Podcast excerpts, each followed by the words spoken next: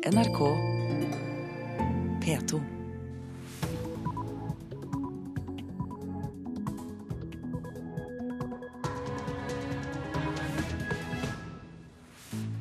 Riktig god morgen. Det er fredag 17. januar. Klokka er 6.30, og du hører på Nyhetsmorgen her i NRK.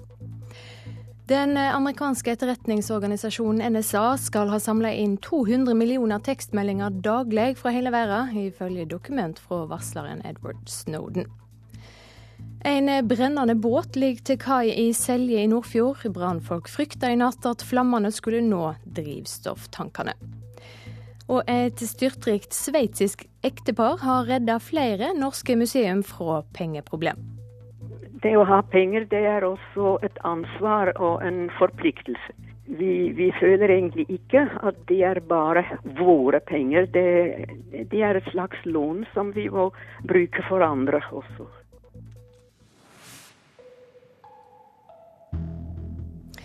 I studio i dag, Silje Sande. Og vi starter i USA, for den amerikanske etterretningsorganisasjonen NSA skal ha samla inn rundt 200 millioner tekstmeldinger daglig fra hele verden. Det er den britiske avisa The Guardian som skriver dette med utgangspunkt i dokument fra NSA-varsleren Edward Snowden. Avsløringene kommer like før Obama i dag skal legge fram sine framlegg til endringer i NSA. Varsleren Edward Snowden har fått det til å storme rundt den amerikanske etterretningsorganisasjonen NSA. Og i går kom det nye avsløringer. Ifølge dokument han har lekka til The Guardian og Channel 4 News, skal NSA ha samla inn om lag 200 millioner tekstmeldinger daglig fra hele verden. Britisk etterretning skal også ha fått tilgang til såkalte metadata om tekstmeldinger som er sendt til eller fra britiske borgere. Ifølge dokumenter har det også blitt samla inn bankinformasjon og informasjon om tapte anrop. NSA skal i sine dokument skildre SMS-innsamlinger som ei gullgruve som kan utnyttes. Avsløringene kommer like før Obama i dag skal gå på talerstolen og legge fram sine forslag til endring av NSA. Et selvstendig utvalg har kommet med råd til presidenten, der de annet konkluderer med at masseovervåkinga bør trappes ned. Reporter Kjersti Hetland. FN advarer mot omfattende menneskerettsbrudd i Sør-Sudan. Organisasjonen har sendt 92 granskere til det afrikanske landet etter flere rapporter om massedrap. Situasjonen i Sør-Sudan er kaotisk, fortalte utenriksmedarbeider Jan Espen Kruse fra hovedstaden Juba da jeg snakka med han tidligere i dag. Ja, Det er først og fremst i byene nord i landet at uh, krigen og konflikten uh, pågår. Uh, og, og, De siste dagene har det altså da kommet stadige meldinger om at opprørerne er på frammarsj, at de har tatt byer i, i, nord. Men det er veldig vanskelig å få bekreftet disse meldingene. Det er også stor usikkerhet rundt hvor mange som er drept, hvor mange som har mistet livet i krigen hittil.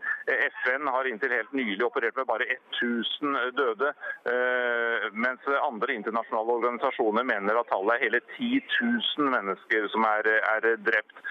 Og, og, Nå advarer altså FN mot nye massedrap. Det er jo ganske ville tilstander. Det er bevæpnede grupper på begge sider i konflikten som går løs på sine motstandere. Det startet jo som en politisk konflikt mellom presidenten og visepresidenten. Nå har det også gått over i mer en etnisk konflikt mellom de to ledende folkegruppene. Hvordan preger borgerkrigen Juba der du er? Ja, Det har ikke vært store sammenstøt i, i, hovedstaden den siste tiden. Regjeringsstyrkene har eh, til dels kontroll her, men eh, folk er livredde for at det skal komme et angrep også på hovedstaden. Det pågår jo kamper rundt byen Bård, som ligger ca. en eh, ti mil nord for hovedstaden bare, så det er ikke langt unna at kamphandlingene pågår. Det går rykter om at opprørerne planlegger et angrep på hovedstaden fra fire forskjellige kanter, og det er det menneskene her frykter aller, aller mest. Nå er det jo slik at det er satt i gang fredsforhandlinger. Er det håp om at det kan føre fram? En talsmann for sørsudanske myndigheter som, med på, som, er med på forhandlingene, han sa i går at det er svært vanskelig at det, er, at det ikke har kommet veldig mye nærmere en løsning. Regjeringssiden her i Sør-Sudan vil først og fremst ha i stand en våpenhvile. og Så vil man forhandle om andre spørsmål etterpå. mens opprørerne vil ha frigjort en del av sine sentrale medlemmer som sitter fengslet. Men på flyreisen til Juba så snakket jeg med en, et medlem av delegasjonen, og han sa at det er framgang i forhandlingene, at man har kommet mye nærmere en, en våpenhvile. Men uh, som på alle andre områder, det er helt fullstendig motstridende meldinger uh, etter hvilken side man snakker med her. Og, og situasjonen er uhyre uoversiktlig. Det sa Jan Espen Kruse, som er i Juba i Sør-Sudan. Brannvesenet vil likevel ikke slepe den brennende båten Karm Viking ut fra kaia på Stadlandet i Selje, der han ligger fortøyd. Båten begynte å brenne i går kveld. Nå har temperaturen gått ned, og brannmannskapene mener de har kontroll. Det var to personer i båten da to gassflasker eksploderte, men de kom seg uskadde ut. Situasjonen var likevel dramatisk, forteller operasjonsleder Per Rimmen i Sogn og Fjordane politidistrikt. Ja, Det er jo ganske dramatisk når det smeller om bord. Og brann i et fartøy, selv om det ligger til, eh, til kai, er jo, eh, det er jo ikke noe enkel oppgave å hanskes med. Det ble jo da sendt ut eh, ambulanse, brannvesen og politi. På det tidspunktet da de fikk meldinger, så var det meldt om at det var personer om bord i båten. Det har jeg fått bekrefta at det var én mann i maskinrommet og én som var eh, som var på vei om bord, eller var kommet seg om bord da eksplosjonen inntraff. De to de kom seg på land ved egen hjelp, eh, virka tilsynelatende uskadd. Og, men for å være på den sikre side, så ble de eh, kjørt til legevakta på Eid for kontroll. Det som skal ha eksplodert, har vi grunn til å anta at det var to, eh, to gassflasker som sto, eh, sto framme i baugen på båten. Hva skjer videre nå utover morgenen? Det skal være en ny vurdering av situasjonen nå klokka åtte. Så får vi da se hva vi får gjort da. Sånn som situasjonen er nå, så er det ikke muligheter for å, å sende folk om bord. Og båten har altså 40 000 liter drivstoff om bord. Reporter Britt Jorunn Svanes. Det er varsla kraftig nedbør og vind på Sørlandet. Noen steder kan det komme opp mot én meter snø i helga. Og vakthavende meteorolog ved Meteorologisk institutt på Blindern, Christian Gislefoss, hva sier de siste målingene? Så det jeg kan se, så har det kommet eh, i hvert fall mellom en, ja, 10 og 20 millimeter nedbør i løpet av natten flere steder på Sørlandet. Og det ser ut som at eh, ja, ytre strøk i Vest-Agder, altså si områdene Lindesnes, Mandal, kanskje har fått aller mest. Men her har fort nedbøren kommet som regn og sludd. Og så har det kommet en del øst for Kristiansand. Og um, her har nok nedbøren kommet som snø. Ja, Hva kan sørlendingene vente seg utover dagen i dag og resten av helga? Blir det mye, og blir det regn eller snø? Ja, det er et godt spørsmål. vet du. Uh, ytterst på kysten så uh, regner jeg med at nedbøren vil komme som uh, veldig våt snø eller sludd. Og eh, ellers så blir det snø, og eh, det er ventet eh, mye mengder i dag òg. Eh, hvis vi ser på døgnet vi er inne i nå, så kommer det nok en 25-30 millimeter nedbør. og ja, Vi har en tommelfingerregel som sier at 1 eh, millimeter nedbør tilsvarer ca. 1 cm snø. Nå er dette veldig våt snø mange steder, noe som gjør at det kanskje ikke blir helt riktig. Men hvis vi sier rundt en 20-25 cm snø, så er vi vel i nærheten. Og eh, Det er dagen i dag, og så kommer det en ny ladning eh, på lørdag og søndag. og Kanskje ikke like store mengder, men eh, alt i alt så er vi ikke langt unna en meter snø på de stedene som får mest, altså. Hvor uvanlig er det? Det er jo ikke veldig vanlig. Eh, det som skjer, er at eh, vi har høytrykk over Nord-Norge og et lavtrykk eh, over Storbritannia. Og så stopper dette lavtrykket helt opp. Det står og stanger mot høytrykket som ligger i nord. Og vi får rett og slett nedbørssystem som bare fastlåser seg over Sørlandet. Og, så vi hadde jo et lignende tilfelle for noen år siden hvor E18 ble vel stengt pga det ble så mye snø. Men det fine nå er at snøen den kommer veldig jevnt og trutt. Det er ikke sånn at alt kommer i løpet av ett døgn. Nå har vi egentlig hatt denne situasjonen siden torsdag, så da har du jo fort en fire-fem døgn og at nedbøren skal komme på. Så det gjør ting kanskje noe enklere. Takk skal du ha, Kristian Gislefoss. Og vi skal videre til deg, reporter Kjell Pedersen. Du har kjørt fra Kristiansand og østover til Grimstad nå på morgenen. Eh, hvordan har det vært? Ja, Kjøreforholdene på E18 motorveien mellom Kristiansand og Grimstad de eh, var slett ikke de aller beste. Eh, jeg møtte riktignok brøytebilen på vei hit, men eh, det hadde ikke blitt brøytet mye på, på strekningen mellom Kristiansand og, og, Grimstad da jeg kjørte. Og kjøreforholdene var rett og slett vanskelig på motorveien. Og når den er vanskelig på motorveien, da må man anta at da er den enda verre på veier som ikke har så mye kapasitet til brøyter, vil jeg si. Hvordan har sørlendingene så langt fått merke den varsla nedbøren og vinden? Ja, her jeg står da, like ved Grimstad, så er det som jeg kan bekrefte det Gislefoss sa her. Det er finkornet snø som eh, jeg vil, jeg vil, si at den laver ned, men den laver sideveis. Det blåser ganske kraftig også, slik at eh, vinden da gjør at eh, snøen kommer sideveis. At temperaturen ligger akkurat nå rundt null minus én, og snøen legger seg. Og eh, slik det ser ut her hos, hos meg nå, så kommer det til å bli en god del snø. Det har vel kommet kanskje, en, som han sa, en 10, mellom 10 og 20 cm i Grimstad-området, vil jeg tro. Hva gjør politi og vegvesen for å holde veiene åpne?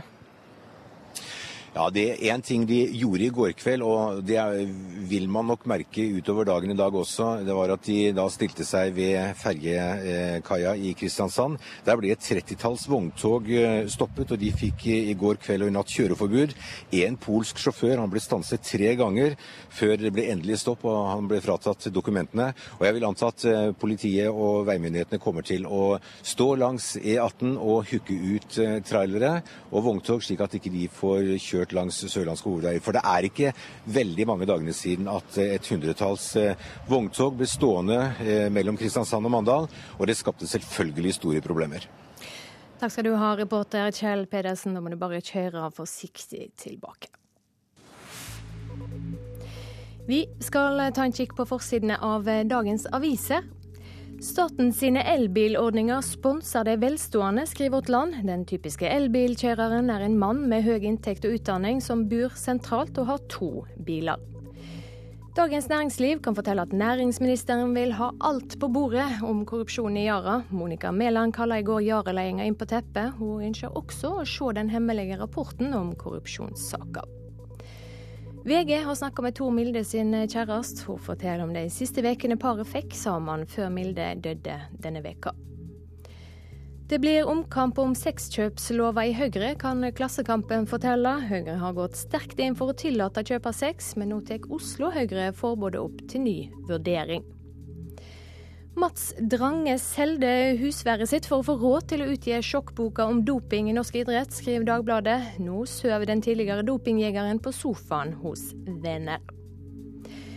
Venstre og KrF bremser Listhaug, skriver Nasjonen. Det gjelder salg av landbrukseiendommer. Regjeringa sine støttepartier krever konsekvensutgreiing før lovene som regulerer salg av landbrukseiendommer blir endra. Naboer våkner av skrik, forteller Adresseavisen. Trondheimspolitiet vet fremdeles ikke hva som har skjedd med kvinner som er savna i byen. 18-åringen som setter fyr på dansk islamdebatt, må leve med politivakter. Aftenposten har møtt poeten Yahya Hassan, som ble drapstruga etter at han skrev om familie og religion. Den tidligere tryggingssjefen i Statoil frykter ny terror mot norske mål. Bernard Duncan Lyng sier til Dagsavisen at Norge er et åpent og sårbart land. Høgskolen i Bergen samler menn i egne klasser på førskolelærerstudiet. Det fører til at langt flere fullfører studiet enn tidligere, forteller Bergens Tidende. Elever tente på skolen, skriver Fedrelandsvennen. Tre elever ved Lindesnes ungdomsskole har vedgått at de sto bak brannen som ødela deler av skolen. Og rike nordmenn pøser penger inn i hytter, forteller Finansavisen. Men eh, meklerne advarer dem, de får bare halvparten igjen når de selger hyttene.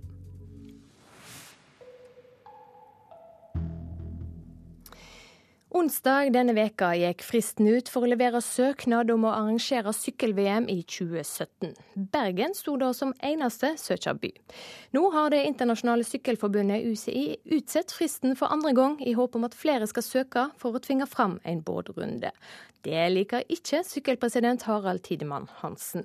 Det syns vi jo ikke noe særlig om. Altså, vi, de hadde en formell frist til 31.12.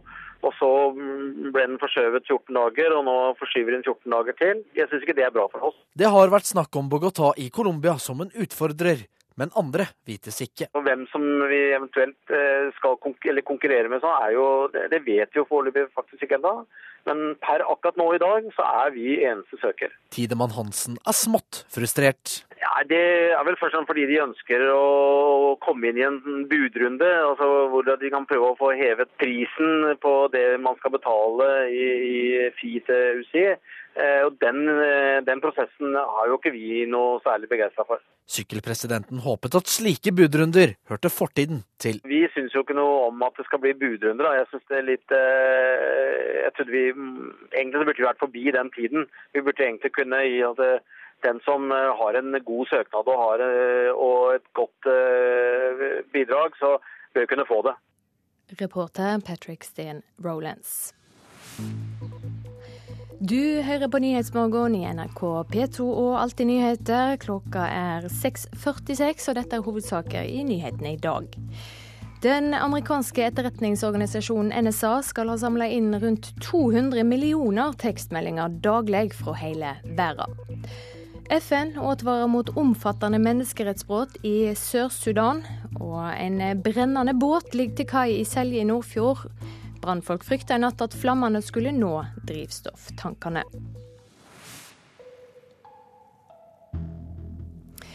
Onsdag vedtok gjødselgiganten Yara ei bot på 295 millioner kroner for grov korrupsjon i India, Libya og Russland. Økokrim mener det kan være snakk om ulovlige overføringer på i alt 70 millioner kroner. Tidligere konsernsjef Torleif Enger er tiltalt for to tilfeller av grov korrupsjon. Sjøl avviser han skyldningene og sier at han ikke har gjort noe straffbart. Det er også venta at flere tidligere Yara-direktører kan bli tiltalte. Og eh, med meg nå utgavesjef Terje Erikstad i Dagens Næringsliv. Hvor spesiell vil du si at denne saka er? Den er eh, unik i den forstand at uh, her har et stort norsk selskap vedgått å ha begått korrupsjon i tre ulike land. Eh, og det har foregått over mange år. Og det har resultert i den overlegent største boten til eh, noe selskap, eh, største foretaksstraffen noe selskap har fått noen gang. Er det grunn til å tro at Yara er det eneste norske konsernet som har drevet på sida av loven? Nei, det vet vi at ikke er tilfellet. Vi vet jo at andre har eh, gjort det samme. Eh, store, respekterte selskaper som Statoil og Hydro har vedgått korrupsjon. Så det er dessverre ikke noe enestående tilfelle. Men det betyr jo ikke at alle selskaper til enhver tid driver med korrupsjon. Men, men det er bare sånn at det er selv store, respekterte selskaper med staten som hovedeier har begått korrupsjon. Men i land der korrupsjon gjerne er en del av kulturen, det, går det an å styre unna? Nei, Det er det som er utfordringen. Fordi eh, det som er likhetstrekket mellom disse tre tilfellene som, som Yara har vedgått, er jo at det er land hvor, hvor det er, som du sier, eh, vanskelig å få innpass. Vanskelig å få lisenser, vanskelig å få kjøpe eller vinne kontrakter hvis du ikke betaler si, under bordet, bestikker noen. Eh, og eh, da blir jo problemet for de som skal operere i disse landene, hvor på en måte rene skal de være. Eh, hvis de da har veldig press på seg for å vokse. Yara hadde en klar vekststrategi da dette skjedde. De skulle vinne markedsandeler, de skulle vokse globalt. Da er det klart at da er det fristende for de som har ansvaret for å vinne disse kontraktene, at de ja, kanskje, kanskje går litt lenger enn det de ville gjort i Norge. For er et, er voldsomt, de er under et voldsomt press da, for å prestere. ikke sant? Og så møter de en kultur som, som er veldig forskjellig fra den eh, normale kulturen, forretningskulturen de opererer i, i, i, si, Europa og i Norge. Hva betyr denne avsløringa for Yaras internasjonale omdømme? Jeg tror ikke det betyr så veldig mye for det internasjonale omdømmet. fordi det er jo dessverre ikke et enestående fenomen. Eh, og eh, det, det avliver kanskje myten om at nordmenn er spesielt liksom, eh, lovlydige. Vi er som alle andre. Selv om, selv om, Norge som land rangerer høyt på disse listene over de minst korrupte landene, vi har jo gode systemer i Norge, det har vi. Men det er jo ikke sånn at alle nordmenn er, er lovlydige. Så, men et, et, jeg tror ikke det betyr så veldig mye for omdømmet, men, men det, er mye verre for, for, Yara hva det betyr i Norge. Fordi altså her er det jo mulig at flere Altså det er jo tatt ut en tiltale, kan bli flere. Og det skal jo inn i retten. Uh, og det er, dette er en veldig vanskelig sak for ledelsen og styret i Yara i forhold til sine eiere. Og det er jo staten som er største eier, både via, direkte via departementet og så Folketrygdfondet. Og så er det andre store norske investorer er jo også eiere i, i, i Yara. Og de tar det jo veldig alvorlig, dette her. Hva syns du om arbeidet Yara har gjort for å rydde opp? Ja, for å si det rett ut, så, så gjorde jo Yara-ledelsen ingenting med disse tipsene om at det hadde foregått ulovlige ting i Libya før vi stilte spørsmål, altså før Dagens Næringsliv. 1.4.2011 sendte en e-post og spurte om de hadde brukt en agent eller mellommann i Libya. Og ti dager etterpå så melder eh, Yara dette til Økokrim, og så begynner saken å rulle. Og så har det endt opp med den største boten noensinne. Takk skal du ha for at du kom i studio, utgavesjef Terje Erikstad i Dagens Næringsliv. Vi skal høre at ingen personer så langt er politimelde for ulovlig fildeling etter at eh, åndsverklova ble endra i fjor sommer. Leder i Norsk Videogramforening, Willy Johansen, sier målet er å blokkere nettjenester som The Pirate Bay. Privatpersoner som deler film og musikk på nett, lever inntil videre trygt. Ja, Det har vel ikke blitt noe farligere enn før, men vi har jo mulighetene nå til å stoppe en del av de ulovlige nedlastningene eller å si, opplastningene av ulovlig film eller ulovlige produkter. Eh, hva gjør dere konkret nå for å, for å forfølge enkeltpersoner? Eh, veldig lite. Dette er ditt ansvar. Mitt ansvar? Da filmen 'Pioner' hadde premiere i fjor, var den tilgjengelig via nettjenesten The Pirate Bay samme dag.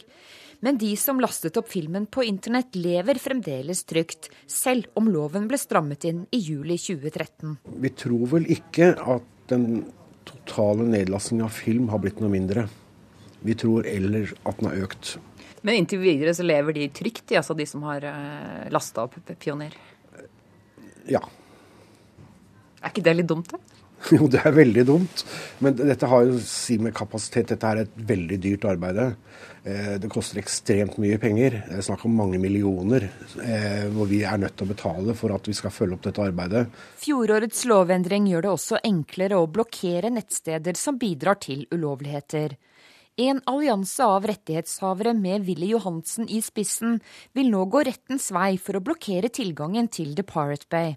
Første rettslige skritt er rett rundt hjørnet. Eh, det kommer til å bli en rettssak. Den nye åndsverksloven den eh, sier at så lenge vi kan dokumentere at det er et ulovlig innhold, så er det nok for å få blokkert siden. Er det andre sider enn Pirate Bay dere ønsker å, i nær fremtid å prøve å blokkere? Ja, mange. Jeg kommer til å fortsette å bryte åndsverksloven. Sier leder i piratpartiet Øystein Jacobsen. Han mener åndsverkloven er i strid med ytringsfriheten, fordi den begrenser hva slags informasjon du og jeg kan dele med hverandre. Det er jo sensur. Eh, hvis Pirate Bay blir stengt, eh, hva slags alternativer finnes det? Altså, Alternativene står på, står på rekke og rad. Du kan egentlig gå og bare søke etter torrent site, så får du liste over de 100 toppen. Jacobsen skulle helst sett at Johansen og de andre rettighetshaverne gikk etter enkeltpersoner, nettopp for å synliggjøre lovens mangler. Hadde de gått etter 100 000 eller 1 million nordmenn eh, i slengen, så hadde det kanskje blitt synlig akkurat uh, at dette er et demokratisk problem. Dette er noe som folk ser som helt vanlig, og uh, man skal ikke kriminalisere helt vanlig atferd. Det kan bli mange runder i rettsapparatet i årene som kommer, sier Willy Johansen i Norsk Videogramforening. Nei, Det vi prøver først å gjøre nå, det er jo å, å, stoppe alle ulovlige sider, for å se hvilken effekt det får i markedet. Vi har jo sett fra Finland og Danmark, som er de nærmeste naboene våre, som har stoppet bl.a. Pirate Bay, at det har vært en nedgang på hele 70% av ulovlige sider og ulovlig nedlastning etter at bare Pirate Bay har blitt stoppet. Reporter Line Tomter. I over 40 år har et sveitsisk ektepar bidratt med økonomisk hjelp til museum både i Trøndelag og i Gudbrandsdalen. I dag er Sverresborg i Trøndelag et levende folkemuseum, takket være Monica og Pierre Chapuis. Det sier direktør Torunn Herje. Det Sverresborg som vi ser i dag, det, det er et av landets største og mest moderne friluftsmuseer. Det var ikke situasjonen den, gangen da Monica og Pierre tok kontakt med museet. For i Sveits bor det et ektepar som heter Monica og Pierre Chapuis. De har arva en formidabel pengesekk og for rundt 40 år siden falt Monica pladask for Norge. Hun var på ferie med mann og barn i Gudbrandsdalen. Siden da har hun kommet tilbake gang etter gang. Til sammen har de brukt rundt 80 millioner kroner på museet på Sverresborg. Ja, dette begynte egentlig med en artikkel jeg leste i A-magasinet om at Sverresborg museum har store problemer, finansielle problemer tenkte jeg kunne skrive et brev, og så begynte det med, med et brev, og jeg fikk svar. Det sier Monica på telefonlinje fra Sveits. Hun er 80 år, snakker utallige språk, og bor på et bo- og aktivitetssenter sammen med sin mann Pierre.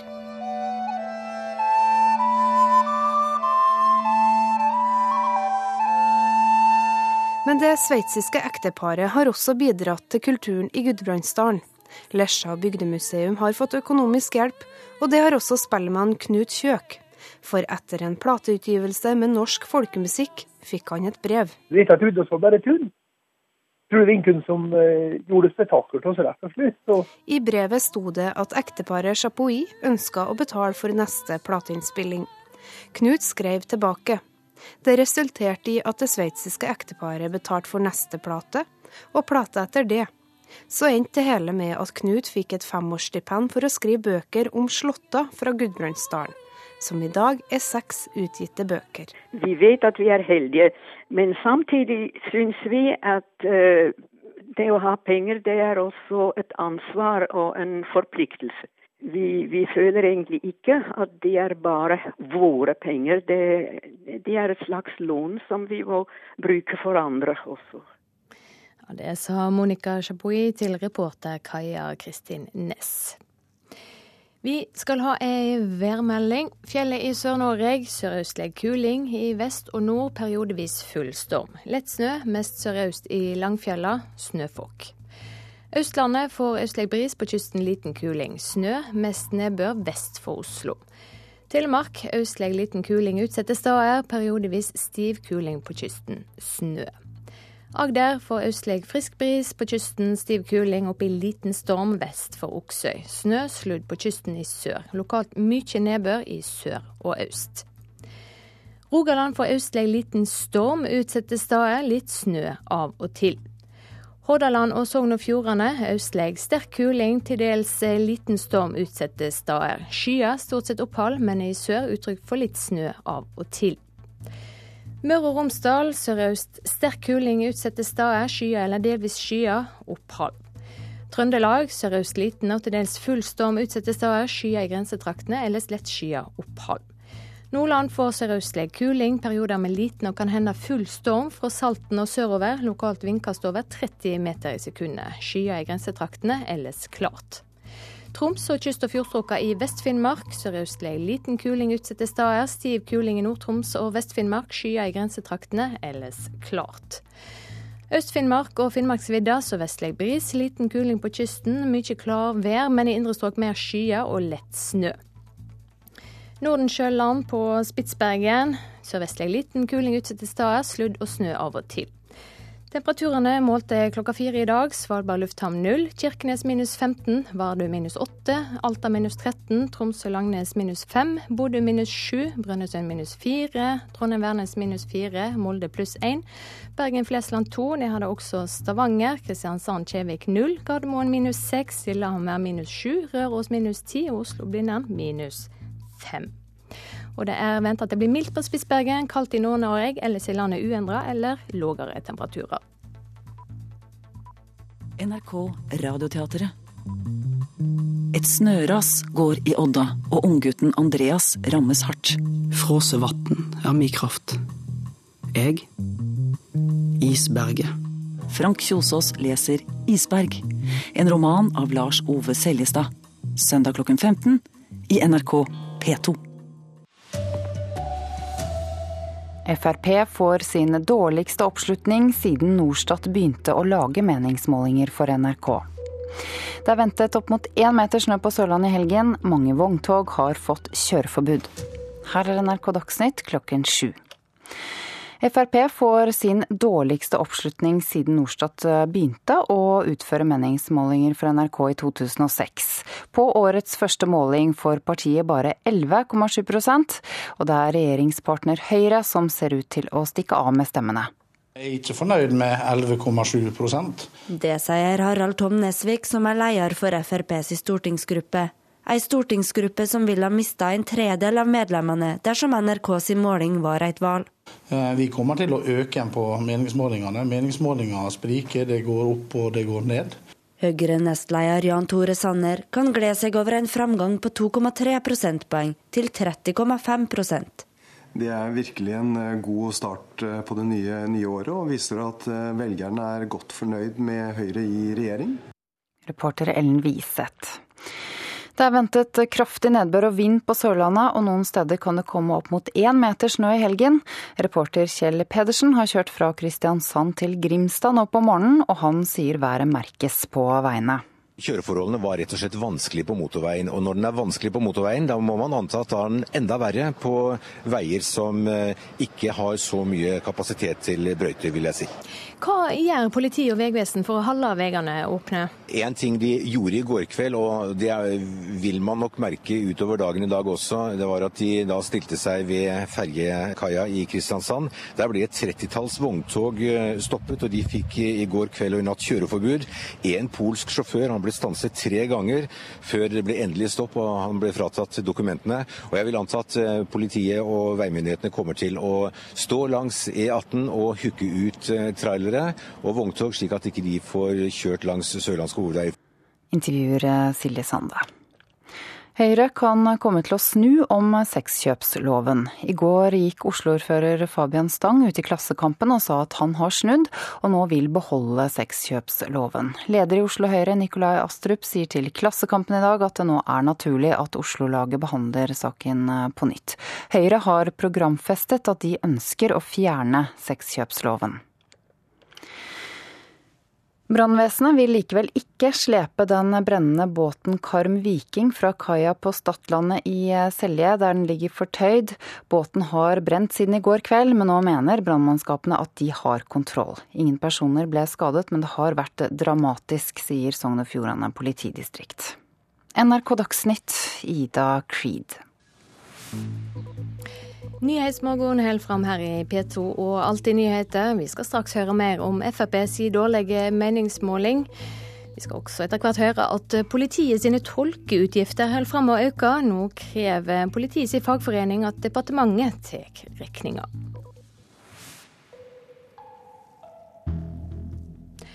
Frp får altså si dårligste oppslutnad siden Norstat begynte å utføre meningsmålinger for NRK i 2006. På årets første meningsmåling får partiet bare 11,7% oppslutnad. Det er regjeringspartner Høyre som ser ut til å stikke av med stemmene. De har jo ikke vært så aggressive som de pleier å være. Når de først har brettet opp armene og skal ta i før de blir valgt inn, så burde vi kanskje gjort det etterpå òg. Og mange Frp-velgere ser ut til å være enige med Åse Mathisen, som vi møter på et kjøpesenter i Oslo sentrum. Bare 11,7% av de spurte sier at de ville stemt på Frp dersom det var valg i morgen. Det er en nedgang på 4,6 prosentpoeng siden valget i september. Nei, jeg er ikke fornøyd med 11,7% Det sier Harald Tom Nesvik, som er leder for FrPs stortingsgruppe. Ei stortingsgruppe som ville ha mista en tredel av medlemmene dersom NRKs måling var et valg. Nesvik mener at Frp ikke kunne forvente seg en opptur, sjøl om de kom inn i regjering i høst. Det er veldig ofte slik at eh, det største partiet som går inn i regjering, pleier ofte å få en fremgang. Mens eh, de partiene som er mindre, eh, har ofte faktisk en tilbakegang i begynnerfasen. Og storebror i regjeringa gjør det svært bra på dagens måling. Høyre går opp 2,3 prosentpoeng til 30,5 Bakgrunnstallene viser at 13% av Frp sine velgere ville stemt på Høyre i dag. Det er virkelig en eh, god start eh, på det nye, nye året, og viser at eh, velgerne er godt fornøyd med Høyre i regjering. Høyre-nestleder Jan Tore Sanner sender også noen trøystens ord til veslebror Frp. Jeg er også helt sikker på at Fremskrittspartiet etter hvert kommer til å se at pilene går oppover. Og når regjeringen gjør det bra, så er jeg sikker på at både Høyre og Fremskrittspartiet vil gjøre det bra. Som forventa, egentlig. Ja. ja jeg syns egentlig at eller Siv Jensen har gjort en god figur så langt. Mot alle odds. ja. Jeg var sikker på at de skulle gå mye, eller krasje mye mer enn det de har gjort, egentlig. Ja. De må gå eh, kompromisser i forhold til hva de har lovt. Så. Og Høyre egentlig som forventa. Jeg syns de har gjort, uh, gjort det bra. Gjort det de skulle, egentlig, sånn sett. Ja, Det mente Mattis Frøynes og Magnus Bakke, som vi møtte i Oslo sentrum i går. Reporter Ellen Wiseth. Og politisk, politisk kommentator i NRK Lars Nehru Sand, hvor tydelig vil du si at Frp sin tilbakegang er? Den er veldig tydelig, først og fremst fordi den er statistisk gyldig, eh, tilbakegangen fra forrige måned og til nå. Men også fordi Frp er et parti som går tilbake fire måneder på rad. Og så ser vi også av bakgrunnstallene at, eh, på flere indikatorer at, eh, at Frp-velgerne ikke lenger er like sikre på partivalget sitt som de var i oktober rett etter eh, valget. Men regjeringsslitasje kanskje, men, men velgerne går til Høyre. Hvorfor det? Det er nok fordi at eh, Høyre er det største partiet. Det er blitt en veldig tydelig Erna Solberg-regjering, mens eh, Siv Jensen nærmest er borte i kraft av å være Frp-leder. Hun uttaler seg riktignok mer enn i fjor på samme tid, men har, eh, har mer finansministerhatten på. og Det tydelige, gjenkjennelige Frp-budskapet er for mange velgere sikkert blitt litt vekke. Det er også forståelig når man har en partileder i den posisjonen, men det gjør da også at partiet må betale sin pris. Så ser vi også at summen av stemmer til Høyre og Frp har vært helt jevnt for alle praktiske formål siden valget. Så det er eh, ganske tydelig at det er eh, Høyre som spiser Fremskrittspartiet. Ja, hvorfor må Frp betale en høyere pris for regjeringsdeltaking enn eh, Høyre? Ja, noe ligger i det jeg sa med de profileringsmulighetene de har. Eh, og så er det sånn at eh, når man har et lag som nå må tale FrPs politikk på en helt ny måte, så vil det sikkert ta tid før velgerne eh, kjenner seg igjen i det. Og så er det nok også et tydelig tegn på at Frp-velgerne nær sagt fortsatt er mye mer utålmodige enn noen regjering noen gang har vært, og også enn det partiet deres selv klarer å levere i, i regjering. Vi hørte i saka at eh, det blir forventa at Frp går opp igjen. Eh, hva tror du om det? Det er ingen garantier for det, men det er klart i løpet av 2014 så skal Frp levere på to for dem svært viktige ting. Det ene er eh, at vi får det første statsbudsjettet som Siv Jensen har lagd fra bunnen av. og Da får vi forvente eh, store skattekutt som eh, vil tale rett til velgerne deres. Og så er vi også spent på hva Ketil Solvik-Olsen vil gjøre fra samferdselsministerposten. Hvordan han skal få fart i veibyggingen og vise frem dette veiselskapet som er et av hovedvirkemidlene til Frp i regjering. Eh, og Da får man håpe da at eh, velgerne responderer på det for FrPs del. Takk skal du ha for at du kom i studio, politisk kommentator Lars Nehru Sand. Norsk politi brukte 75,9 millioner kroner for å betale tolker i fjor. Det syner tall fra Politidirektoratet. Dette er en økning på over 20% fra året før. Leder Sigve Bolstad i Politiets Fellesforbund ser at det nå er på tide at denne regninga blir betalt fra sentralt hold. I dag bruker politidistriktene så mye på tolkeutgifter at det råker annen etterforskning, sier Bolstad.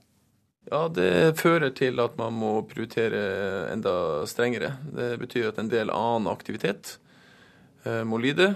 Eh, enten justeres ned eller justeres bort. Flere er pågrepet i store aksjoner mot østeuropeiske smuglere. Når vi hører slike nyheter, får tolkeutgiftene til politiet virkelig bein å gå på. Det merker bl.a. visepolitimester Tor Bernhard Klepper i Østfold. Utlendinger som blir tatt for bl.a. smugling, trenger som regel en tolk. Og i fjor brukte Østfold politidistrikt nærmere 5,9 millioner kroner på rene tolketjenester. Det er 1,3 millioner mer enn året før. I likhet med Politiets Fellesforbund ber Klepper nå staten ta denne regningen. Men vi ønsker at dette er noe som skal betales, eller bør betales sentralt. At Justisdepartementet dekker disse utgiftene for oss. Så Det man ser, det er at uh, summen øker og øker og uh, øker. Sier Bolstad. 75,9 millioner kroner brukte altså politidistriktene på tolker i fjor. Året før var tallet 63,1 millioner. Økningen er på over 20% Går vi åtte-ti år tilbake i tid, var tallet rundt 15 millioner. Har du satt av en viss sum til eh, bl.a. tolkeutgifter i løpet av et år, og du får en eh, sak som er litt større enn det som er eh, normalt, og den kommer tidlig på året, så risikerer du at i løpet av første kvartal så er den posten brukt opp, og vel så det. Så da må du enten ta ifra noe annet viktig, eller så må du rett og slett si at i resterende tre kvartalene så kan vi ikke bruke noe på tolkeutgifter? Nei, Vi vet jo vi må bruke penger på dette. Eh, og vi setter av et betydelig beløp hvert år til å dekke opp dette. De pengene kunne vi selvfølgelig ha brukt på en annen måte. Men eh, vi vet at dette kommer som utgift, og da må vi bare ta det. Reporter Hans-Jørgen Solli. Med meg i studio nå, Jan Bøhler, storbypolitisk talsperson for Arbeiderpartiet. Hva tenker du om at det enkelte politidistrikt må ta av eget budsjett for å betale tolkeutgifter? Jo, det er riktig at det er et eh, økende problem. Vi eh, hørte mye om det når vi besøkte ulike politidistrikt, bl.a. Østfold, i siste del av forrige stortingsperiode. Og eh, det er klart at dette blir uforutsigbart og vanskelig å styre økonomien i, i politidistriktet da. Planen vår det var å gjøre noe med det når vi skulle lage en politireform som Eh, det ble laget et grunnlag for gjennom det som het Politianalysen, som kom i juni i fjor. Og så skal det lages en politireform ut ifra den. Så eh, jeg tror det var ganske bred enighet mellom eh, partiene om at her må det gjøres på en annen måte, slik som de påpeker i oppslaget også. Ja, Hvordan bør det gjøres? Nei, Jeg tror det er riktig å gjøre det sånn at man lager en sentral avsetning. Det har vi også for det som heter DNA-analyser, som også er en uforutsigbar utgift politidistriktene kan ha. Hvor man holder igjen en, en del av budsjettet. Totalbudsjettet politiet er jo snart opp mot 15 milliarder.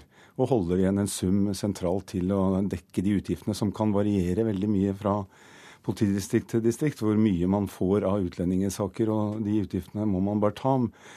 Eh, det er jo en annen måte å gjøre det på som kan ligge i, den politianalysen. Det er at man lager så store politidistrikt. altså Man er jo nede i å foreslå så få som seks istedenfor dagens 27.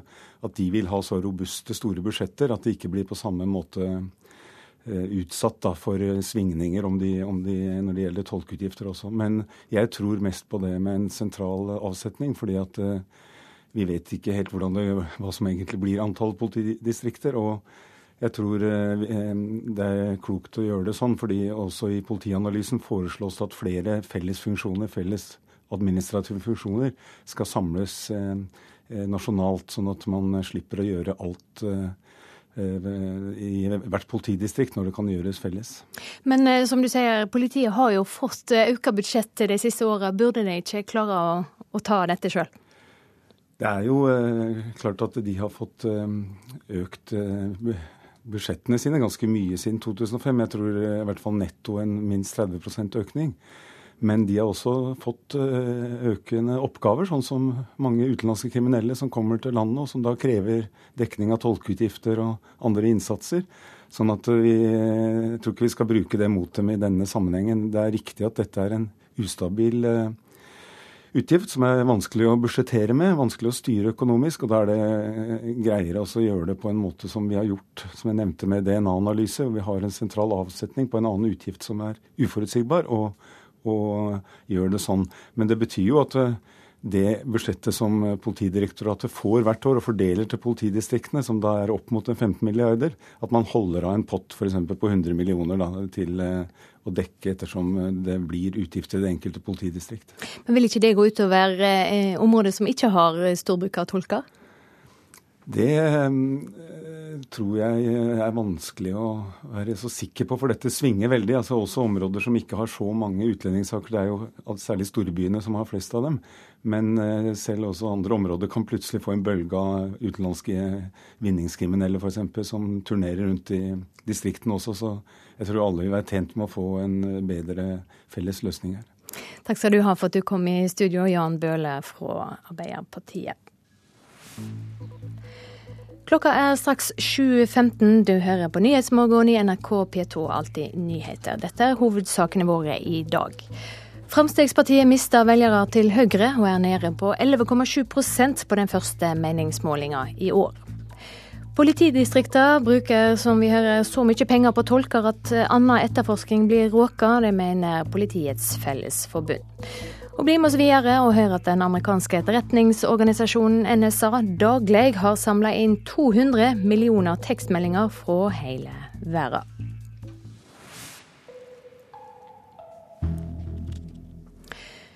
Sør-Sudan nå, der holder kampene fram, samtidig med at partene forsøker å forhandle om eh, fred. De sivile i verdens yngste land er ofre i en borgerkrig der også nabolandene nå blir trukket inn militært. Ifølge FN er 400 000 mennesker drevet på flukt. 10 000 kan være drept.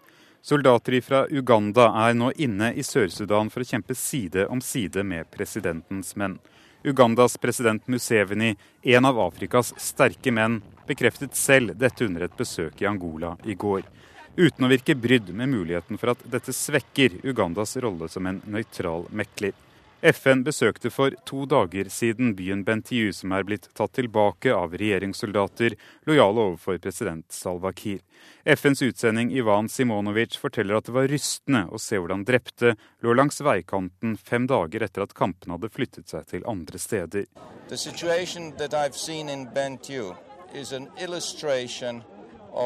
The Situasjonen som vi har sett i Bentiu er en illustrasjon på hvor grufullt det hele er. Vi har sett to etniske grupper som begge blir utsatt for målrettede angrep av forskjellige militære styrker, hvor det i begge tilfeller er de sivile som må lide.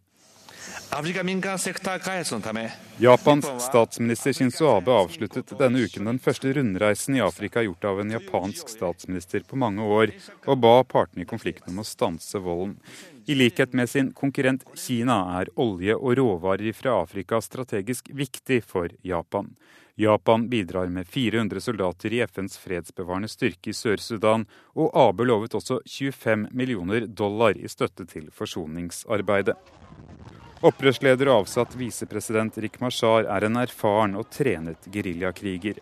Men denne borgerkrigen er ikke kun lokal, og det kan virke som om de internasjonale og regionale aktørene ikke ser seg tjent med at opprørerne gjør noe større fremgang på slagmarken. Og det sa utenriksmedarbeider Philip Lote. Hæren i Uganda har altså gått inn i Sør-Sudan og kjemper nå på regjeringshærens side mot opprørerne. Presidenten i Uganda hevder at soldatene har vært med i harde slag. Og utenriksmedarbeider Tom Christiansen, hvor alvorlig er det at Uganda nå har gått inn i Sør-Sudan? Det kan jo utvide hele konflikten. Vi hører også at Kenya er klar til å, å, å, å gå inn. Og det som da skjer, er at uh, borgerkrigslignende tilstand endrer seg til å bli en borgerkrig med innblanding fra naboland. Det vanskeliggjør fredsforhandlingene. Rik Mashar, opprørslederen, tidligere eh, visepresident som ble avsatt, eh, sier at han går, kommer ikke til noe forhandlingsbord så lenge det finnes utenlandske tropper i landet. Og dermed så blokkeres mulighetene for å få til en fredsavtale, eller en, i det minste en våpenhvile i, eh, i Addis Abeba, hvor forhandlerne sitter. Det eh, høres jo noe fastlåst ut. Hvordan vil du skildre situasjonen i Sør-Sudan eh, nett nå? Det er en situasjon hvor regjeringshæren er gått i mer eller mindre i oppløsning. De fleste soldatene har gått over til Rik Mashar, som jeg nevnte, tidligere visepresident. De forsøker å ta by etter by. Eh, de tok Malakal, en viktig by, for noen dager siden. Selv sier de at de sitter på alle de områdene hvor oljeproduksjonen pågår i Sør-Sudan, og det er meget alvorlig for president Salva Kiir. Eh, Humanitært eh, er det ganske ille. Hele statsadministrasjonen har brutt sammen. Alle sjefer i departementene er borte. Alle statssekretærer er borte. Salva Kiir tvinger ministrene til å bli på sine poster, men har gjort det klart for dem at uh, uh, det, det, er ikke med noe særlig glede han har dem der. Så det har liksom rakna hele veien, også personlig for presidenten. Ja, du var jo sjøl rådgiver for president Salva Kiir for seks år siden. Har han kontroll? Nei, han har ikke kontroll. Han har uh, All den tid regjeringen ikke fungerer, har han jo ikke kontroll. Uh, han har heller ikke kontroll over den statlige oljevirksomheten. Og hvis Den går nå på halv maskin. Eh, det er det ene problemet. Og det andre problemet er altså at eh, oljeproduksjon skjer i områder hvor han ikke har kontroll. Så nei, han eh, har kontroll på sitt kontor, men ikke stort mer. Takk skal du ha for at du kom i studio, Tom Kristiansen.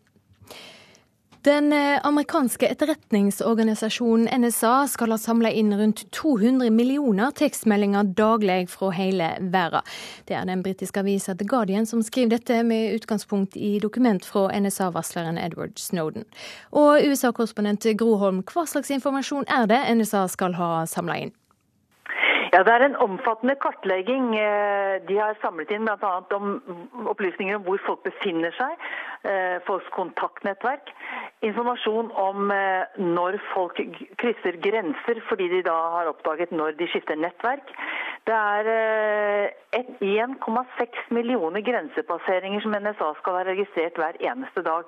Dessuten har de samlet inn informasjon om kredittkort og 800 000 finanstransaksjoner som har skjedd via mobiltelefon informasjoner om tapte anrop, som jo er en del av eh, arbeidet med å kartlegge hvem som har kontakt med hvem i verden. Og interessant nok, informasjon om amerikanere er utelatt fra søkene, fordi det ville være ulovlig ifølge amerikansk, amerikansk lov. Har etterretningsorganisasjonen sjøl kommentert de siste opplysningene?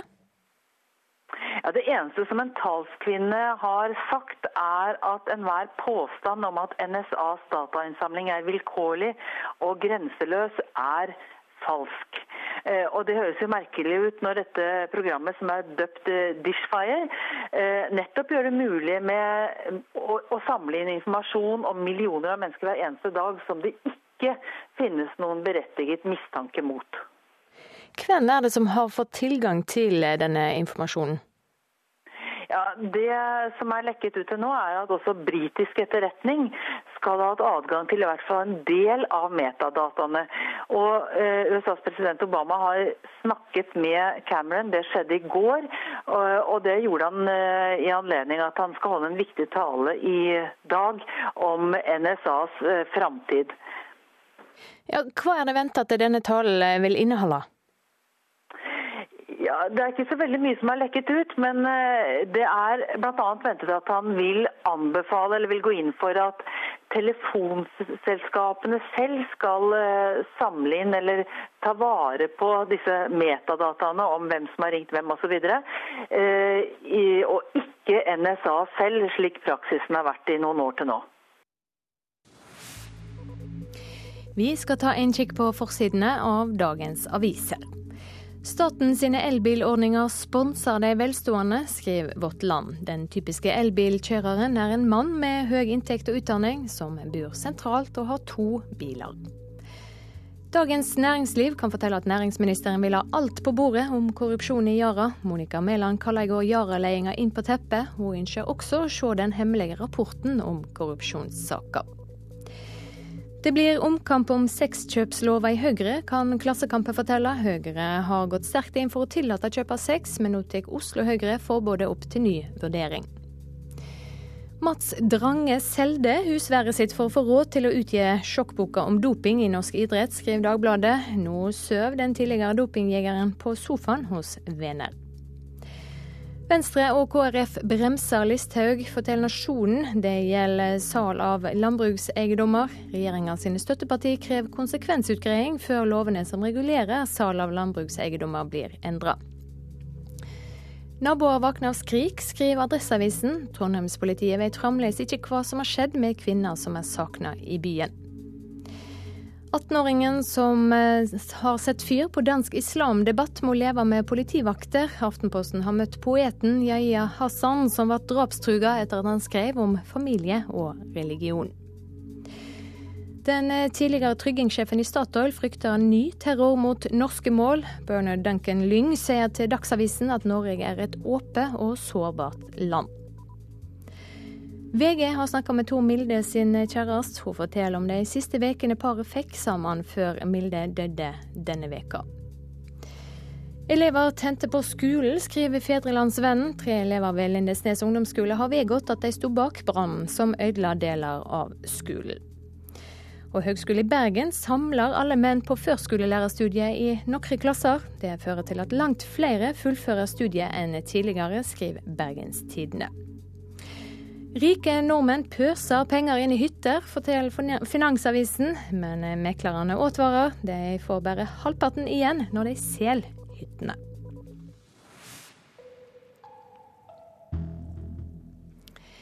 De ansatte ved Klekken hotell i Buskerud har de siste dagene nærmest kunnet sitte med beina på bordet.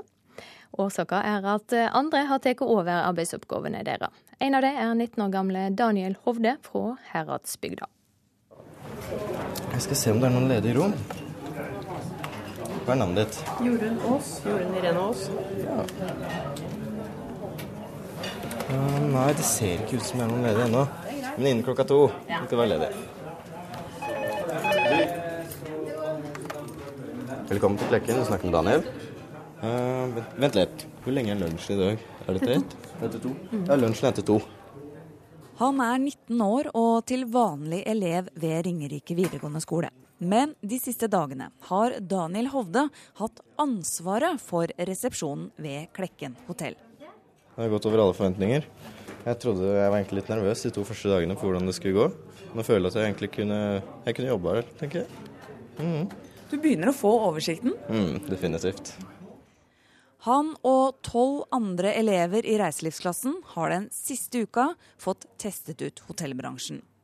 Elevene har vært å finne i mange av hotellets avdelinger, bl.a. i restauranten, kursavdelingen og salgsavdelingen. Formålet er at vi skal gjøre reiselivslinjen mer levende og spennende. Det sier Stig Andy Kvalheim Rambø, lærer ved Ringerike videregående skole. Jeg liker veldig godt eh, en sånn teoretiker som heter John Dewey, som de har noe som heter 'learning by doing'. Og alt jeg gjør, er det. Jeg har ikke vært den skarpeste kniven i skuffen vår til skolegang selv. Og min måte å lære ting på var å gjøre ting praktisk. Og derfor tilnærmer jeg undervisningen det. At vi får det praktisk sånt. Og så er det selvfølgelig mer relevant i forhold til vi går på reiseliv. Da må vi gjøre det praktisk. Øve, øve være på hotell, reisebyrå, litt sånn forskjellig. Er det mange kurs her i dag, eller? Ja, det er ganske mange kurs. Vel eh, på torsdag og fredag til vanlig. Kursvert Alexander Ruud er 17 år og passer på at alle de på seminar har det de trenger. Og etter en uke på hotellet virker det nesten som han jobber der. Da var det ny og varm kaffe og tevann? Ja, det var det. Så her, her har de alt eh, kaffemelk og sukker og te og alt sånn. Jeg får jo lov til, til, å gjøre akkurat de tingene som eh, vanlige ansatte gjør. At eh, jeg blir ikke sånn at nei, ikke rør det og ikke rør det. At eh, du får ikke lov til det fordi det er kjempeviktig. At jeg får lov til alt. Det er uh, også Ja, man, man selvfølgelig må være veldig ansvarlig, da. Og det prøver jeg ikke det prøver jeg å holde med på.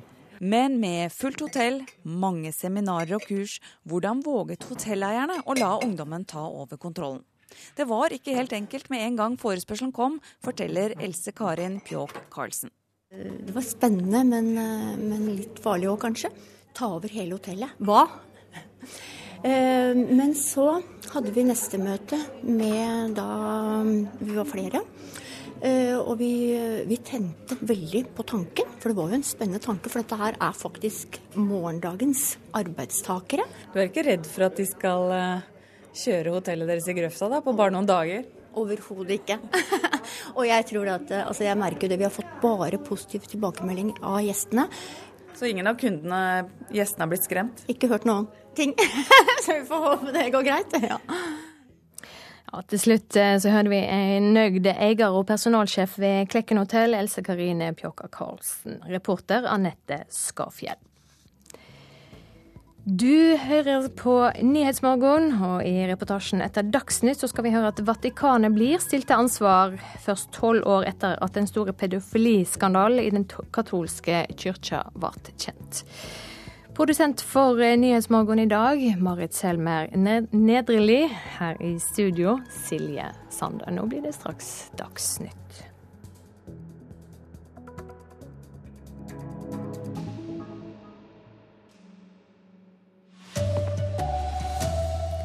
Frp gjør sin dårligste meningsmåling på åtte år. Over 30 vogntog fikk kjøreforbud på Sør- og Østlandet i natt fordi de ikke var skodd for glatte veier, og det er mye mer snø i vente. 400 000 mennesker er drevet på flukt i Sør-Sudan. FN frykter at 10 000 er drept. Her er NRK Dagsnytt klokken 7.30. Fremskrittspartiet får sin dårligste oppslutning siden Norstat begynte å utføre meningsmålinger for NRK i 2006. På årets første meningsmåling får partiet bare 11,7 Det er regjeringspartner Høyre som ser ut til å stikke av med stemmene. Nei, jeg er ikke fornøyd med 11,7% Det sier Harald Tom Nesvik, som er leder for FrPs stortingsgruppe.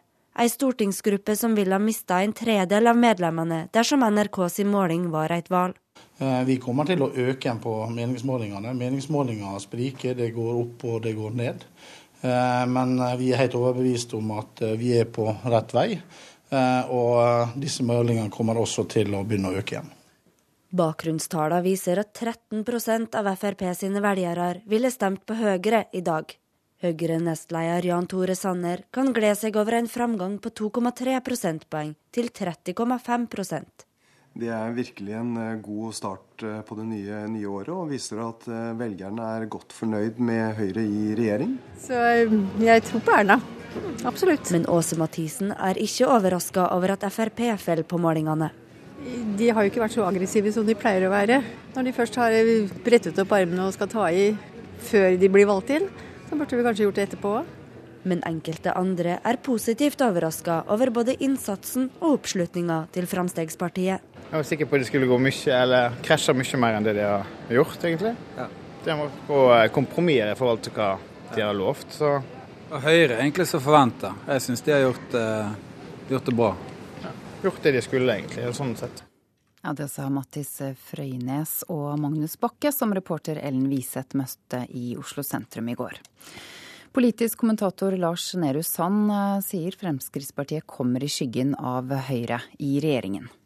Det er blitt en veldig tydelig Erna Solberg-regjering, mens eh, Siv Jensen nærmest er borte i kraft av å være Frp-leder.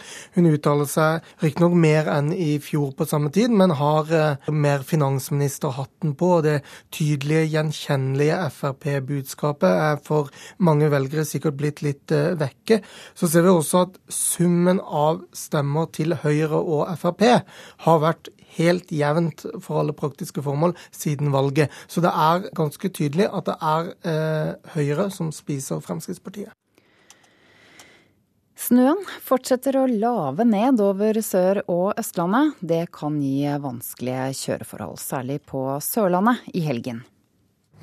You have to stay here.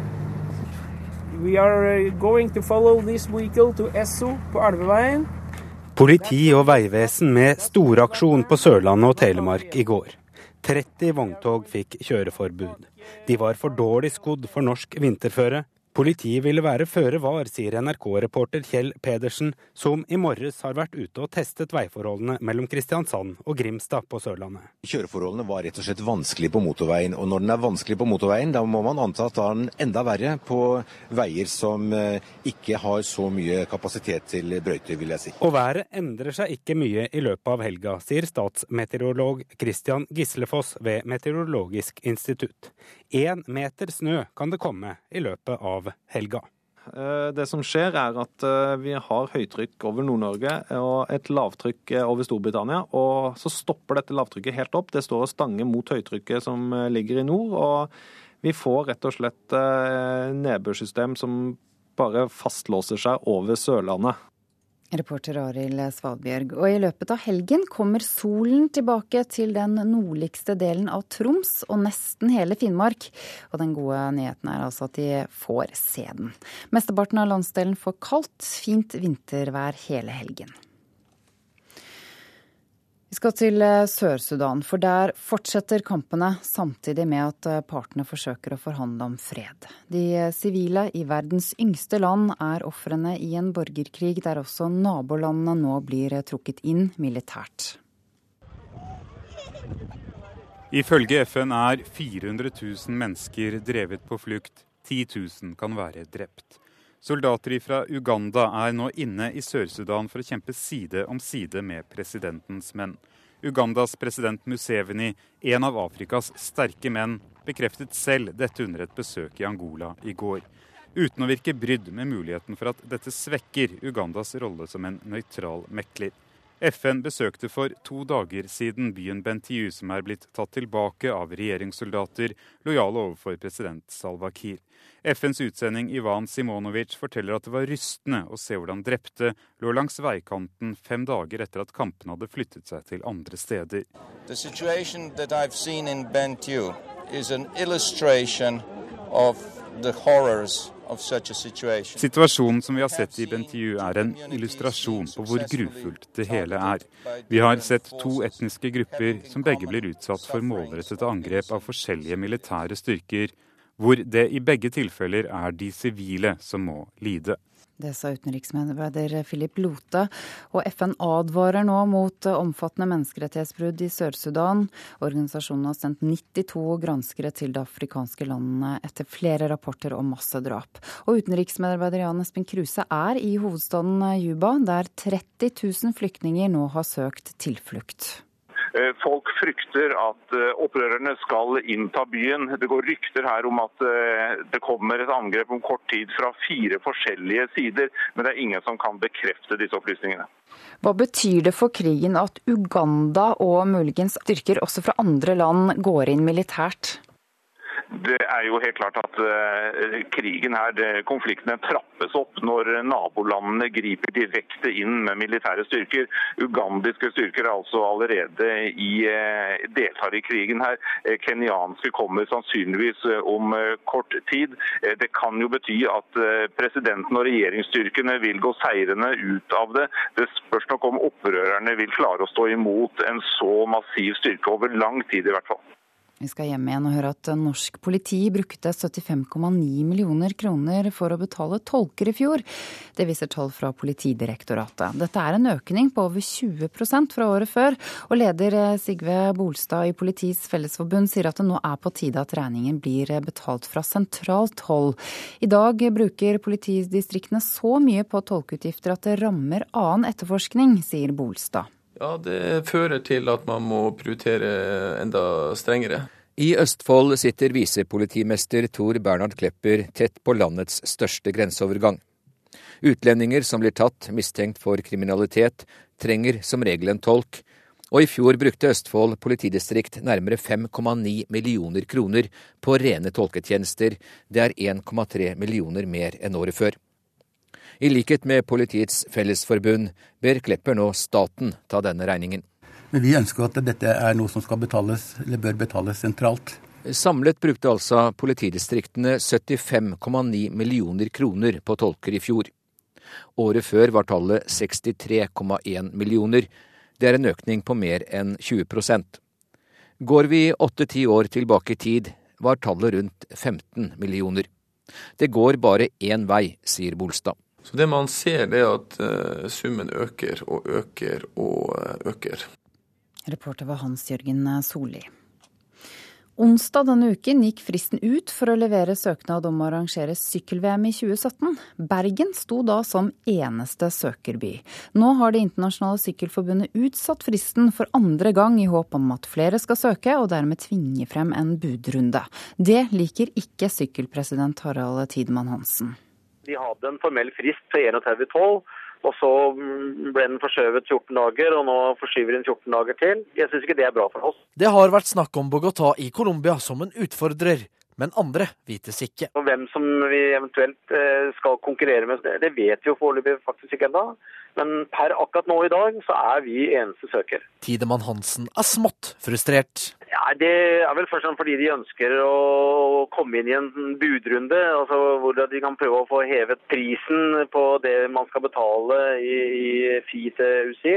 Eh, og den, eh, den, prosessen har jo ikke vi noe særlig begeistra for. Sykkelpresidenten håpet at slike budrunder hørte fortiden til. Vi burde egentlig kunne gi at eh, den som har en god søknad og, har, og et godt bidrag, så bør kunne få det. Reporter Patrick Steen Rolands. Ansvarlig for denne sendingen er Sven Gullvåg. Teknisk ansvarlig Hanne Lunås. Jeg heter Ida Creed. Og vi skal utenriks her i Nyhetsmorgen, for eh, først tolv år etter at den store pedofiliskandalen i den katolske kirka ble kjent, blir Vatikanet stilt offentlig til ansvar for overgreper mot titusenvis av barn gjennom flere tiår. Det skjedde under ei FN-høring i Genéve i går. Petersplassen i Vatikanet og en stille demonstrasjon tidligere denne uken. En gruppe på fire-fem mennesker holder opp bilder av seg selv som barn. Bilder av hvordan de så ut da de ble seksuelt misbrukt av katolske prester. Chicago i USA den samme dagen og den samme scenen. Flere barnebilder og mer raseri over en kirke som skulle være en moralsk autoritet men som i flere tiår beskyttet sine pedofile prester og tiet om det de hadde gjort. Det er tolv år siden avisa Boston Globe avslørte omfanget av overgrepene, og ikke minst hva den katolske kirken gjorde for å holde dem skjult. Hvordan de pedofile geistlige ble forflyttet til nye bispedømmer, for så å begå nye overgrep. Siden det er milliarder av dollar utbetalt i kompensasjon til ofrene, prester er blitt fengslet og biskoper har måttet gå i katolske land over hele verden. Men først denne uken har Vatikanet, meget motvillig, måttet forsvare seg offentlig mot anklagene om at kirken satte sine prester og sitt renommé foran hensynet til uskyldige barn som ble misbrukt seksuelt. Det skjedde torsdag i Genéve, i komiteen som skal sørge for at FNs barnekonvensjon blir fulgt. For Vatikanet er en stat med observatørstatus i FN, og Vatikanstaten har undertegnet og ratifisert barnekonvensjonen, og dermed forpliktet seg juridisk til å forsvare barns rettigheter. Pavestolens argument om at staten og den romersk-katolske kirken er to forskjellige ting, og at Vatikanstaten bare har ansvar for de rundt 30 barn som bor der, ble ikke akseptert. End, no or exploitation of children. Derfor måtte Vatikanets øverste FN-diplomat i Genéve, erkebiskop Silvano Tomasi, ta plass i komitéhøringen. Det er ingen unnskyldning for vold eller utnyttelse av barn. Slike forbrytelser kan aldri rettferdiggjøres, innledet han med å si. Så startet grillingen han visste ville komme. Hvorfor hadde Vatikanet nektet å gi FN-komiteen statistikk om overgrepene som har skjedd? Hvorfor har den katolske kirken bare flyttet på overgriperne i stedet for å utlevere dem til politiet? Og hva gjør Vatikanet nå for å stanse misbruket, spurte komitémedlemmene. Svarene de fikk var at de pedofile prestene var underlagt sine egne lands lover og sine lokale biskoper, og ikke Vatikanets kontroll. Det var svar som skuffet ofrene som satt i salen.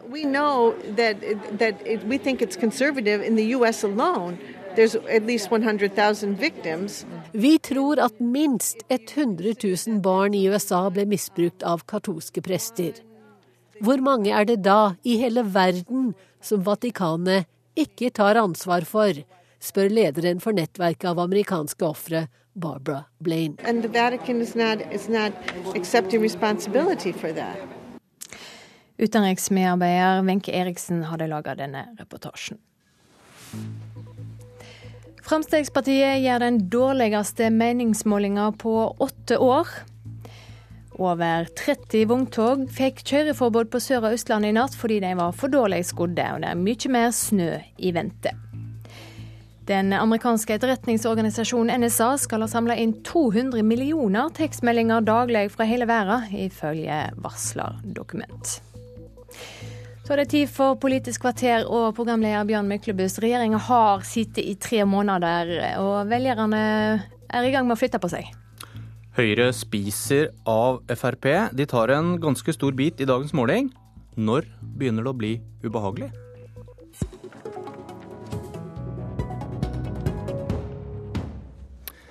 Til Ålesund, god morgen, parlamentarisk leder Harald Tom Nesvik.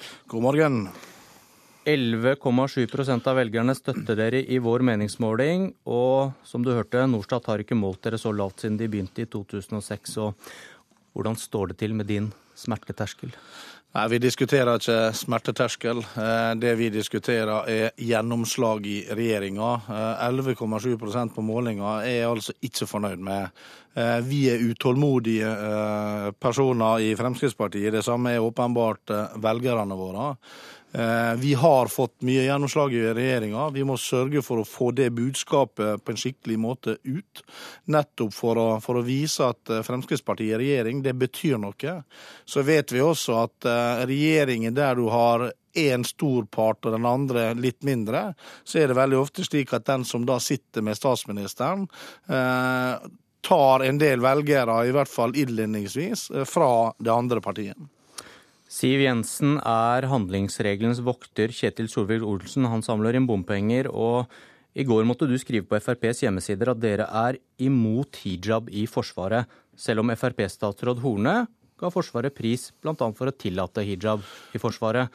Skal vi begynne å lete her? Eh, etter årsaker? Nei, altså nå tror jeg først at vi skal få legge den hijab-saken bak oss. Det er IMDi sin, eh, sin, pris. Dette er en pris som bare ble uh, ut, på å si, uh, Eh, utdelt av eh, statsråd Horne. Eh, slik at så Fremskrittspartiet sin politikk ligger klokkeklart fast. Men for å, for å, legge det helt bak oss, burde Horne sagt nei, da, bare for å legge den død? Nei, man kan ikke si nei til å dele ut en pris som er barn, altså BLD sin, sitt ansvar. Man kan ikke løpe fra den biten der, men vi ville bare slå klokkeklart fast at Fremskrittspartiet sin politikk er mot hijab både i Forsvaret og politiet. Men, men jeg tror det er litt viktig å, å se faktisk hva man har fått gjennomslag for i regjering. fordi at eh, Fremskrittspartiet har jo fått på plass en strengere eh, asyl- og innvandringspolitikk. Eh, I fjor så var det jo historiske tall med hvor mange personer uten begrunna opphold i Norge som ble sendt ut av landet. Arveavgifta er jo fjerna. Skatte- og avgiftslettelse på 7,3 milliard. Vi har fått mye mer penger til, til samferdsel. Vi har sørga for at helseforetakene har fått mer penger til behandling av pasienter enn noensinne. Eh, men det er klart at vi må bli flinkere eh, til å få dette budskapet ut. Eh, vi, nå, vi, er nå i gang med å forberede budsjettet for 2015. Vi vil vise og markere de store, tunge Fremskrittspartisakene.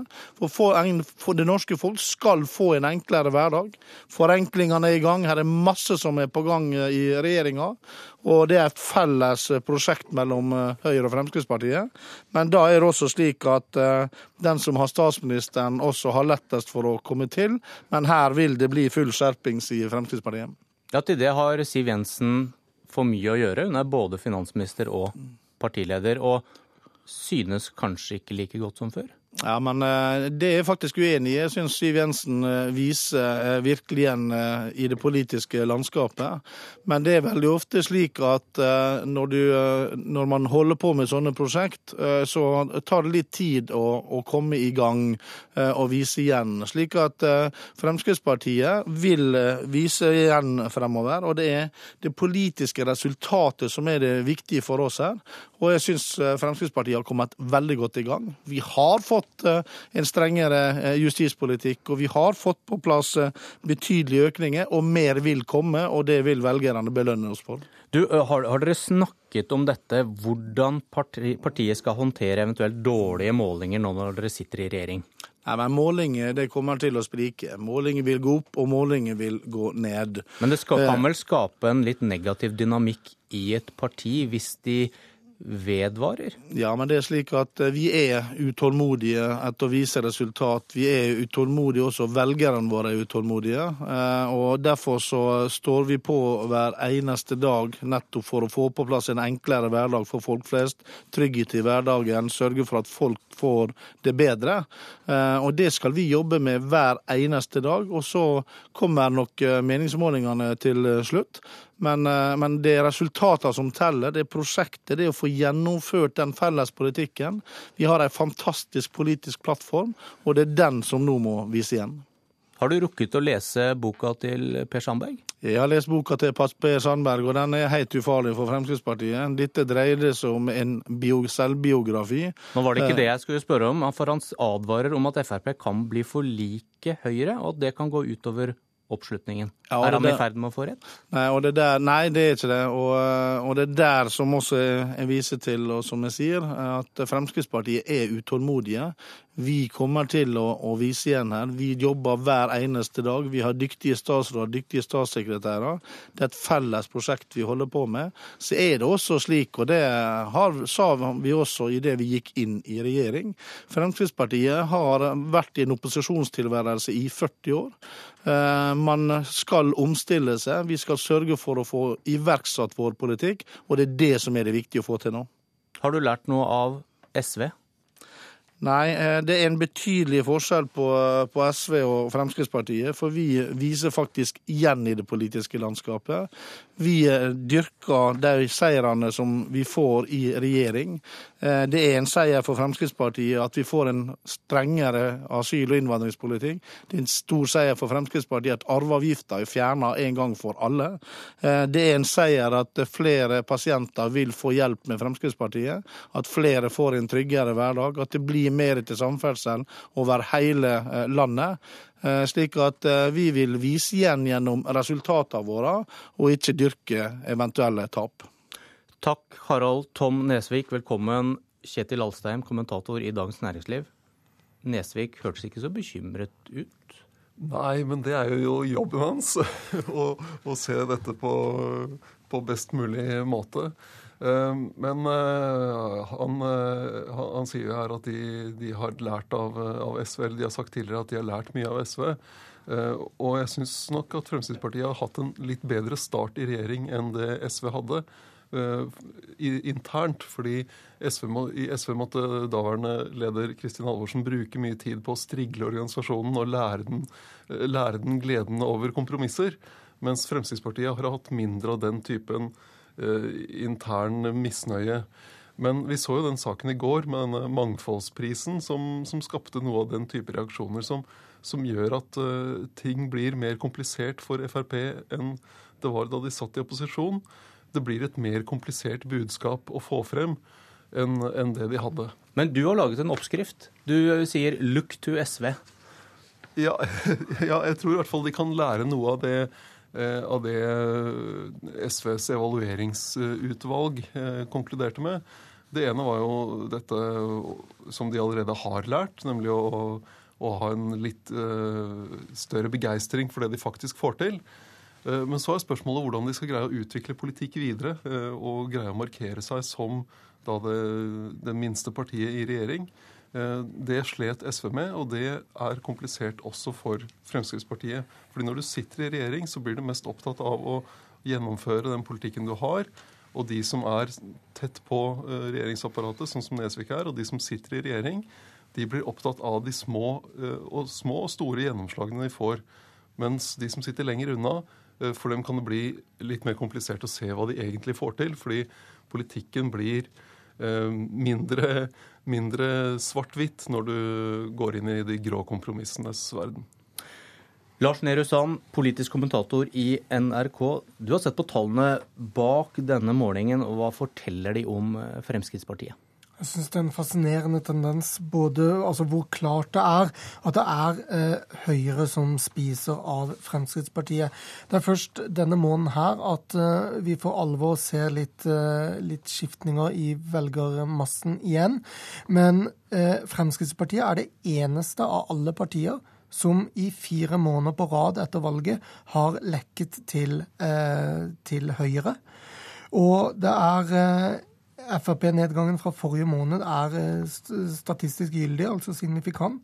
Lojaliteten til Frp stuper fra over, godt over 90 til nå under 70 mens Høyres lojale velgerandel er på over 90 hele tiden, altså fire måneder på rad. Og selv om det er lenge til neste valg, så betyr det at dette er målt fire måneder på rad. Eh, og velgerne er spurt om hva de stemte ved valget nå sist, og hva de ville stemt dersom det var valg nå. Eh, så betyr dette at man helt klart kan lese at det er eh, Høyre som vinner av Frp, og det skjer måned etter måned, og det skjer mer og mer. Men da blir det spørsmålet som er litt vanskelig å svare på. Hva betyr styrkeforholdet mellom Høyre og Frp på målinger framover? Det at da Høyre eventuelt blir sterkere på bekostning av, eh, Frp. Alstein først. Jeg tror nok, eh, det er, jo lenge til neste stortingsvalg, men jeg tror nok for mange rundt i partiorganisasjonen i Fremskrittspartiet så føles det ikke så lenge til neste kommunevalg. Og der kan du få den eh, kan den type målinger skape en litt mer sånn påtrengende bekymring enn for, eh, for eh, Fremskrittspartiet i Stortinget og regjeringen, der de nettopp har, har kommet, kommet, til makten. Jeg tror noe av det som Fremskrittspartiet kan få til mye i regjering. De kan få gjennomslag for en god del politikk, men problemet blir at det er en politikk som er litt vanskeligere å formidle. Hvis du tar bompenger som eksempel, så har de jo vært ute og fortalt at de f.eks. har greid å stoppe bompenger i Alta. Eh, og det er sikkert Frp-velgeren i Alta veldig fornøyd med. Men eh, når, når, det blir bompenger på den såkalte lakseveien eh, mellom Orkdal og Hitra, så er det ikke sånn at den som betaler bompenger på lakseveien, gleder seg over at en som bor i Alta, slipper bompenger. Nei, og så tror jeg det forrykker behovet for Frp-gjennomslag. At de så klart taper hele tiden. Og det gjør at selv om selv om uh, man fortsatt vil kunne si at regjeringen er relativt fersk, så vil Frp-ere eh, i regjeringsapparatet på Stortinget bli mer og mer stressa hvis man ikke ser tydelige tegn på målingene til at også velgerne er fornøyd med det man gjør. For det er klart, selv om målinger går opp og ned, som eh, politikere sier, og som vi alle vet, så, så er dette den beste måten å måle tilfredsheten med, eh, med, med regjeringsprosjektet hos Frp sine velgere. Og det er selvfølgelig sånn at eh, Frp leser de tallene med interesse. Så selv om denne målingen er virkelig historisk lav, og selv om det er den første av rundt 40 meningsmålinger gjort etter valget av alle mulige institutt som, eh, hvor Frp ser 11-tallet, så er det et varsel, og det kan også innebære en trend. Eh, på våre målinger er det i hvert fall det, ved at det som sagt er en nedgang for Frp på Høyres bekostning fire måneder på rad. Kan du si én setning til slutt, Lars Nehru Sand, om eh, Senterpartiet på den målingen der? Senterpartiet har, en, eh, har, den dårligste lojaliteten av alle partier, og velgerne går fra Senterpartiet til Gjære eller Ap. Lars Nehru Sand, Kjetil Alstheim, takk for at dere var med.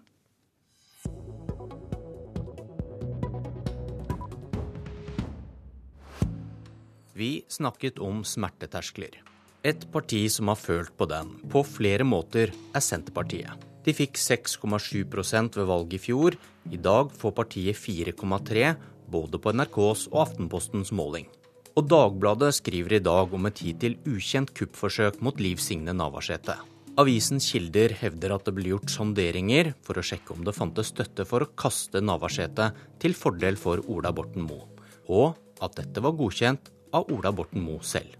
Dette er trist og faller på sin egen urimelighet, svarer Borten Moe til påstandene. Til Aftenposten sier kilder i Senterpartiet, de som vil Borten Moe vel, at de frykter at han er ferdig i partiet hvis han taper en kamp om en plass i den nye ledelsen. Det kan være bedre for han å ta en pause, for så å komme tilbake, resonneres det. Senterpartiets framtid bør være rød-grønn, står det i Dagsavisen.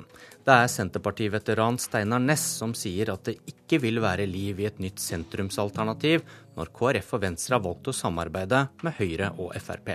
Men han holder døren åpen for at KrF og Venstre skiller lag, der Venstre driver vekk fra sentrum. Og apropos rød-grønt samarbeid og KrFs smerteterskel. Klassekampen har snakket med Arbeiderpartiets fylkesledere. Et klart flertall advarer Stoltenberg mot alenegang. De vil at Arbeiderpartiet skal gå til valg i 2017 med et rød-grønt alternativ, gjerne utvidet med KrF. En ensom svale, fylkesleder Signe Øye i Østfold, mener Arbeiderpartiet bør gå til valg som et eget regjeringsalternativ. Og med det er Politisk kvarter slutt. Nå fortsetter snart Nyhetsmorgen med Kulturnytt, og hør på Ekko senere i dag. Hør ekko. Er det umoralsk å sette en pris på et menneskeliv? I Storbritannia betaler det offentlige helsevesenet maksimum 350 000 kroner for livsforlengende behandling, som kan gi opptil ett års ekstra levetid. I Norge fins ingen slik grense. Bør vi ha det? Ekko 9 11 i NRK P2. Hør flere podkaster på nrk.no podkast.